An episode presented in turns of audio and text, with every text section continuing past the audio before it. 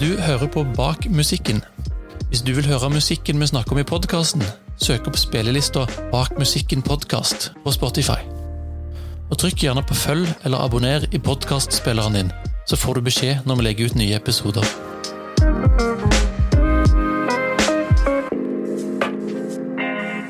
Maria Solheim, Hei. velkommen til Bak musikken. Vi er utenfor Drammen, på kjøkkenet ditt. Så hyggelig. Jeg har vaska det før du kom. Det var veldig hyggelig her. Og så ringte du meg for å advare meg mot en glatt vei. Ja. Og så hadde du sånn varm og god fremtoning. Vil du ha te? Vil du ha kaffe? Kjempekoselig. ja, men så bra. Men Ja. det er jo viktig når folk kommer til bygda, at de skal kjenne seg velkommen i bygda. Ja. Ja. Vi har sett deg i mange, mange år. Ja, jeg har holdt på en stund. Ja. Hvis du skal spole langt tilbake, hvor kommer musikken din fra? Jeg har vokst opp i et hjem med mange søsken og foreldre som var veldig aktive i kirka. Så når jeg vokste opp, så var jo musikken på en måte det var kanskje nesten først og fremst bruksmusikk. Det var såpass mange søsken at de danna jo et eget kor. Eh, Men jeg var for lita til å være med. Familiekor, rett og slett. Ja, nesten. Ja, det var, noen, det var noen flere. De var faktisk i Oslo og spilte inn kassett. Oi. God gammeldags MC, det er lenge siden. Altså, faren min, han eh, hadde vel en opplevelse sjøl når han var barn som gjorde et inntrykk på han. Fordi at vi kommer fra en sånn fiskerarbeiderslekt, og når pappa vokste opp, så eh, hjalp han til på gården hjemme hos sine foreldre, altså min farmor og farfar. Og en gang så hadde farfar, eller han hadde oppdaga at pappa drev og skrev dikt. Og da hadde farfar kommet til pappa og sagt du, Willy, hvis du står ute på marka, og så kjenner du at inspirasjonen kommer over deg, da skal du bare kaste spaden. Så det har vært en sånn eh, følelse av at altså, arbeid er viktig, men kunsten har alltid stått litt sånn sterkt, da. At det har vært noe, har vært noe fint med det å skrive. Men sangen, den har jo på en måte Det var ingen som holdt på med musikk. I hvert fall ikke på heltid eh, når jeg vokste opp. Bortsett fra kanskje tanta til Aksel Agnar i klassen min. Hun tror jeg var liksom Hun tror jeg sang en del. Men eh, hver gang som jeg så noen som enten spilte gitar eller som sang på, på TV, så fikk jeg gåsehud. Og kjente en eller annen slags form for slektskap. Det var relativt konservativt, sånn som jeg vokste opp da. Og sånn at jeg var ikke, jeg var jo ikke på noe diskotek, jeg var ikke på noe teater. Men eh, jeg prøvde å lære meg piano. eh, Gikk ikke så bra. Prøvde å lære meg orgel. Gikk ikke så bra. Jeg skjønte fort at jeg hadde litt vanskelig for noter. Så det var egentlig ikke før jeg ble kjent med ei som fremdeles er ei av mine bestevenninne, som heter Ingvild. Hun bodde i ei anna bygd der oppe i nord. Hadde møtt henne på leir. Jeg var hjemme på besøk hos henne en helg, og så plutselig så sa hun 'Vil du høre en sang jeg har laga?' Og så tenkte jeg 'Men du kan jo ikke noter'. Du, du. Og så spilte hun. Jeg har aldri hørt noen spille med Altså, hun spilte med hjertet. Hun hadde laga en sånn fantastisk tekst. Da tenkte jeg 'Men herlighet, hvis hun kan spille gitar, så kanskje jeg òg kan det'. Så den, etter den helga der, så begynte jeg å lage musikk. Kaller du deg singer-songwriter, eller hva, hva- er du? Jeg tror nok det er det som er nærmest, for det er jo det jeg gjør. Jeg eh, lager sanger, og så synger jeg de. Liksom, eh, jeg husker I begynnelsen så, så syntes jeg det var litt vanskelig å på en måte definere. Er det, er det pop? Eh, er det vise? Er det indie? Er det, hva, er det for noen ting? Eh, men det ligger vel å vake et sted mellom alt det her. Men, så jeg tror nok det å si at jeg er singer-songwriter, er det letteste. Men så har du jo sysla med litt andre ting òg. Vært involvert i alt ifra noe metal-greier til noe elektronika, til noe barnemusikk, og det er Ja. veldig mye spennende. Si, si litt om uh, variasjonen, alt. Ja, altså det her metal-greia, det er jo faktisk veldig morsomt. Innimellom lurer jeg på om det er en drøm, men det er jo ikke det. men uh, vi var noen venninner som bodde i Oslo. Jeg hadde noen svenske venninner som var veldig kule og veldig kunstneriske, og, og de lurte på om jeg ville være med og danne et metal-band. Eh, og så kalte vi oss Virgin Forest, fikk med en kul trommis, eh, og så ble jeg bassist. Jeg kunne ikke spille bass. Men i alle fall, tingen er det at jeg husker ikke Jeg vet at vi har gitt ut noen ting. Eh, vi ga ut en, enten var det en singel eller så var det en EP, men jeg tror det bare var én låt. Som vi ga ut i 77 eksemplar på Endtime Records i Sverige. Og så spilte vi på en svær festival. Det var rundt 1000 pers i Sverige. Det var den første og eneste opptreden, i hvert fall som jeg var med på. Og da hadde vi et mer sånn anerkjent metal-band som hjalp oss, eller hjalp meg i hvert fall, å rigge på plass ting og sånn. Og så hadde vi hugd ned masse grantrær, fordi vi tenkte at vi Eller vi definerte oss som skogsmetall. Hvorfor ikke? og så hadde hun ene hadde sydd masse sånne munkekapper. Og så, Vi brukte enormt mye tid på det her merch-bordet. så Vi lagde, hadde sånn hjemmelaga syltetøy og sånn som vi solgte som merch. Men det som jeg husker fra den konserten, var det for det første så var jeg så redd for å treffe strenger. For at jeg ikke kunne spille bass. Jeg var så redd for å treffe strenger jeg ikke burde treffe, så jeg gaffa eh, en del av strengene. som jeg visste at jeg ikke skulle bruke. Eh, og når den konserten var ferdig, så oppdaga jeg at jeg ikke hadde skrudd på volumknappen. Hadde spilt hele konserten uten noe lyd, uten Uten lyd, ja. Ja, så det, eh, det var artig. Ja. Men eh, det var, det var et prosjekt. Jeg er jo prosjektmenneske. Jeg syns Ja. det er gøy med prosjekter. Men ja, så har jeg eh, Jeg var også en tur da elektronika. Det har jeg ikke gjort så veldig masse av, men jeg, jeg ble spurt av et, et englandsbasert eh, elektronikaband fra New York om jeg ville synge De ville egentlig ha med Stina Nordenstam på vokal. Eh, Men så fikk de ikke tak i henne. Tok ikke telefonen? Nei, jeg tok ikke telefonen. Det gjorde du. Eh, Så da dro jeg, og det husker jeg da følte jeg, for dette var jo midt i at det var veldig mye som skjedde, og da husker jeg at det var veldig spesielt fordi at jeg skulle fly fram og tilbake til London samme dag bare for å spille inn den låta. Eh, Så det føltes litt sånn der, det føltes som popstjerneliv. Da var du stjerne. Da akkurat Da den dagen. Ja, akkurat den dagen. Er det på en måte sangen eller skrivingen som, som, trigger mest i deg? Uh, altså hadde ikke, jeg vet ikke om jeg hadde sunget så masse hvis jeg ikke hadde skrevet de her låtene. Sånn at det, heng, det, det er helt tett knytta, rett og slett. Jeg har fått lov til å tolke noen andre sine låter, men, men det er nok noen ting med formidlinga som er det mest interessante for meg. Og det er det jeg også blir tiltrukket av når jeg hører på musikk. Så er det jo det at låten skal treffe, enten bare for at de har et veldig bra hook, eller de gjør meg glad, eller at de framkaller en eller annen følelse, men, men det kan også være liksom Gjerne formidlinga i stemmen. Altså, er man en god formidler, så kan man jo fremføre ganske mye ulik tekst. Så det trenger ikke nødvendigvis heller å være teksten som er så sterk, men at, at det er et samsvar mellom det som blir formidla, og den som formidler. Jeg skravler kjempemasse. Ja, deilig. Det er helt, helt topp, det. Hva er styrkene dine innen det du driver med? Eh, Kanskje jeg har en styrke når det kommer til å, å gjøre ting til mitt eget. Eller det er i hvert fall noen ting jeg jobber veldig hardt for. Når jeg spør om å være delaktig i prosjekter eller være med å synge, så er det veldig viktig for meg å gjøre de tekstene til mine og få de melodiene under huden, sånn at jeg kan være med og styrke et prosjekt gjennom formidling. Men ja, altså er jeg nok, til tross for at jeg er innimellom kan være både frynsatt og følsom og engstelig og sånne ting, så har jeg Jeg tror nok at jeg har en dualitet i meg, at jeg også er ganske sterk og er ganske uredd. Og jeg syns det er veldig gøy å leve. Jeg syns det er spennende å gjøre ting. Jeg syns det er fint å bli kjent med nye folk. Jeg er ikke kanskje den som går rundt og mingler så masse, men jeg syns det, det er fint å, å få gjøre ting. Og få holde på med musikk, og det, det gir meg masse. Du er en skaper. Jeg er kanskje det.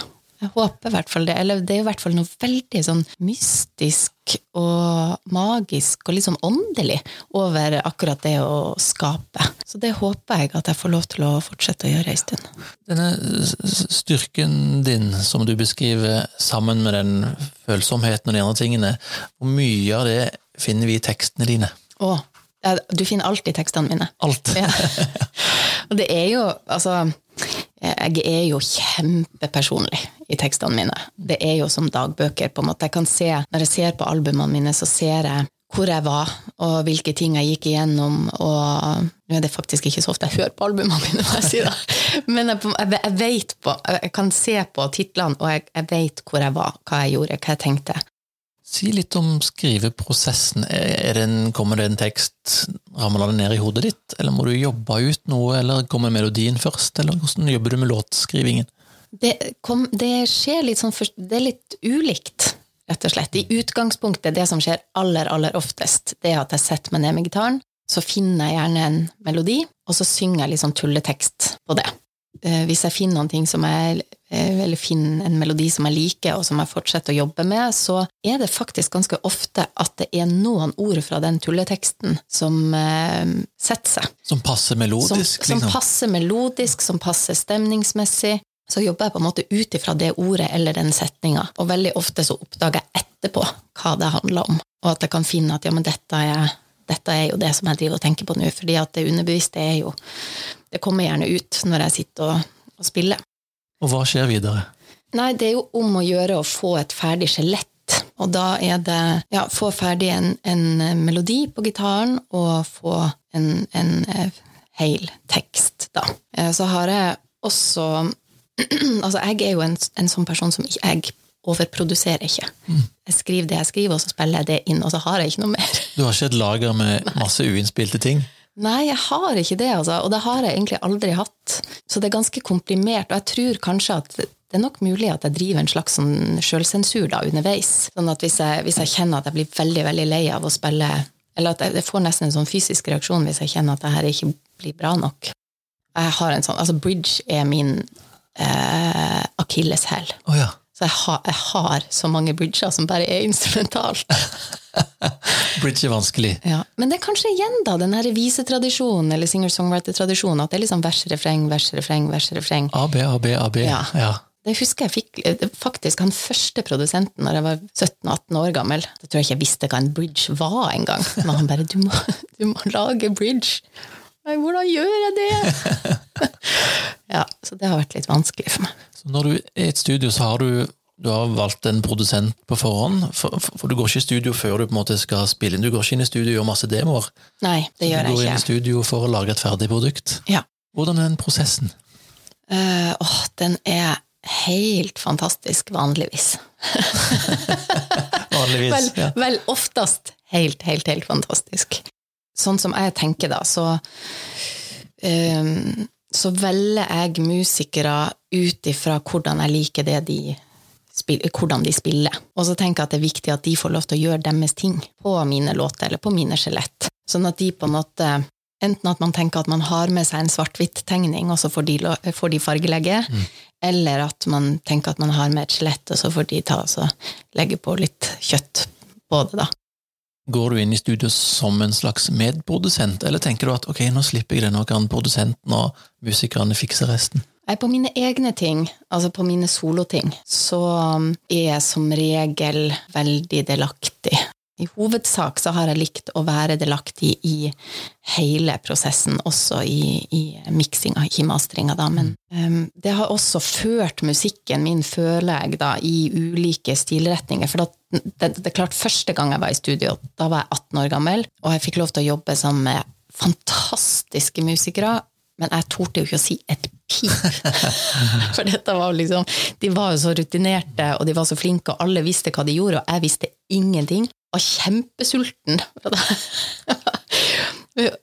alle, var så, alle hadde så god råd. Og jeg drev og spilte på gata for å få råd til å betale husleia mi. Så jeg husker egentlig det som gjorde mest inntrykk, var at det var veldig mye eh, Det var en sånn fantastisk sånn kylling Nå roter jeg meg bort. Uansett. Kjør på. Kylling.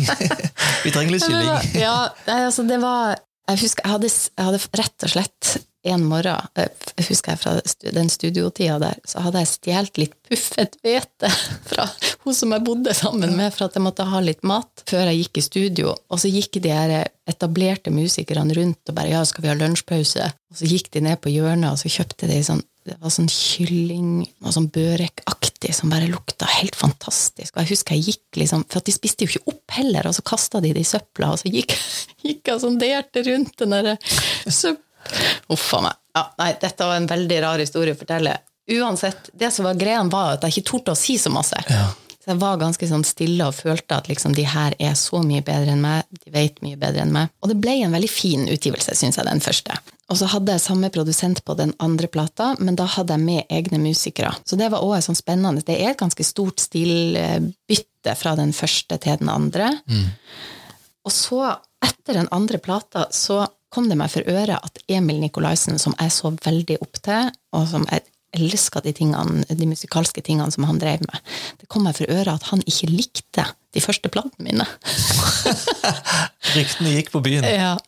Og da tenkte jeg han vil jeg ha som produsent. Det hadde vært spennende å se hva han kunne gjort da, hvis han fikk lov til å gjøre det han ville med liksom, mine låter. Så det ble jo et samarbeid som, som varte over noen år. Så han produserte den tredje og den fjerde plata mi, og så var han også involvert i den femte.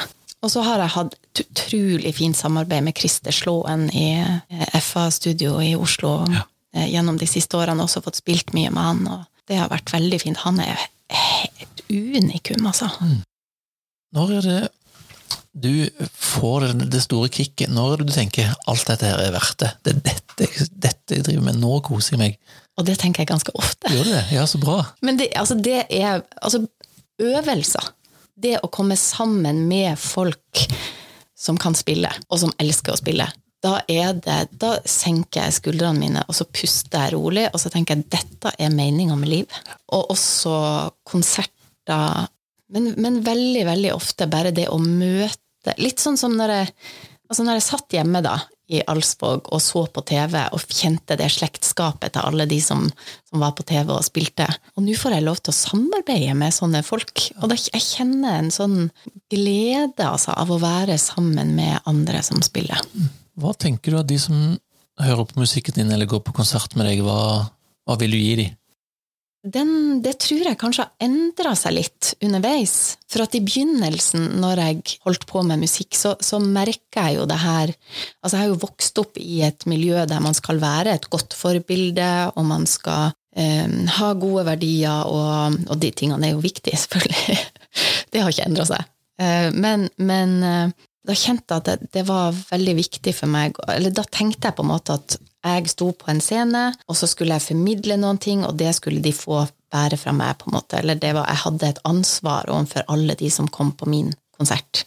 Og det ble ganske tungt for meg etter hvert. For jeg tenkte at jeg skal gi håp og glede, og det kan være noen her som har det vanskelig. og Alle de tingene tenker jeg fremdeles, men jeg tenker at jeg har nok ikke en jeg har ikke en så viktig rolle. Jeg er, jeg er en del av noen sin dag mm. når de kommer på konsert. Og det kan jeg påvirke. Jeg kan påvirke når jeg er der, men ellers så har jo folk ansvar for sine egne liv. Mm.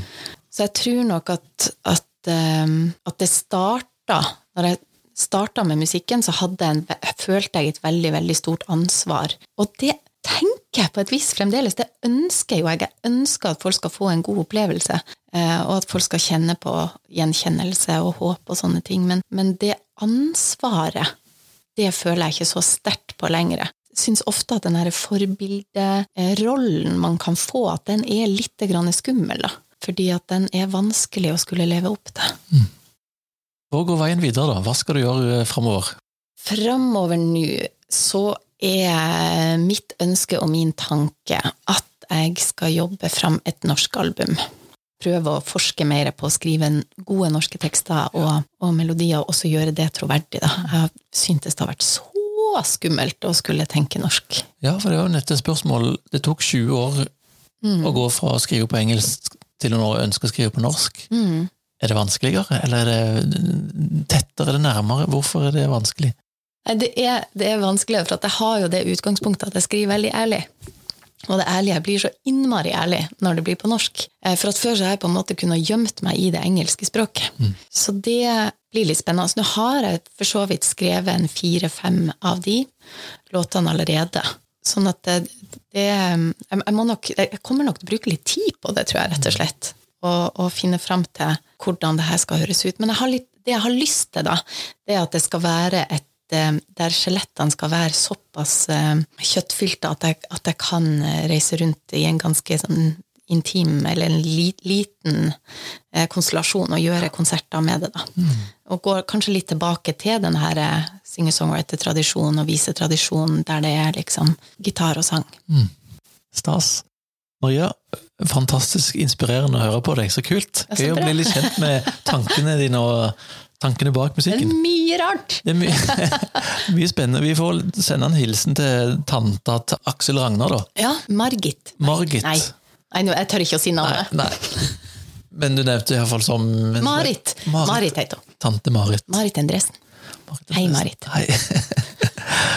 Lykke til med alt. Takk. Både skriving og innspilling og ut på veien. Takk for det. Du har hørt Bak musikken. Hvis du vil høre musikken vi snakker om i podkasten, søk opp spillelista Bak musikken podkast på Spotify.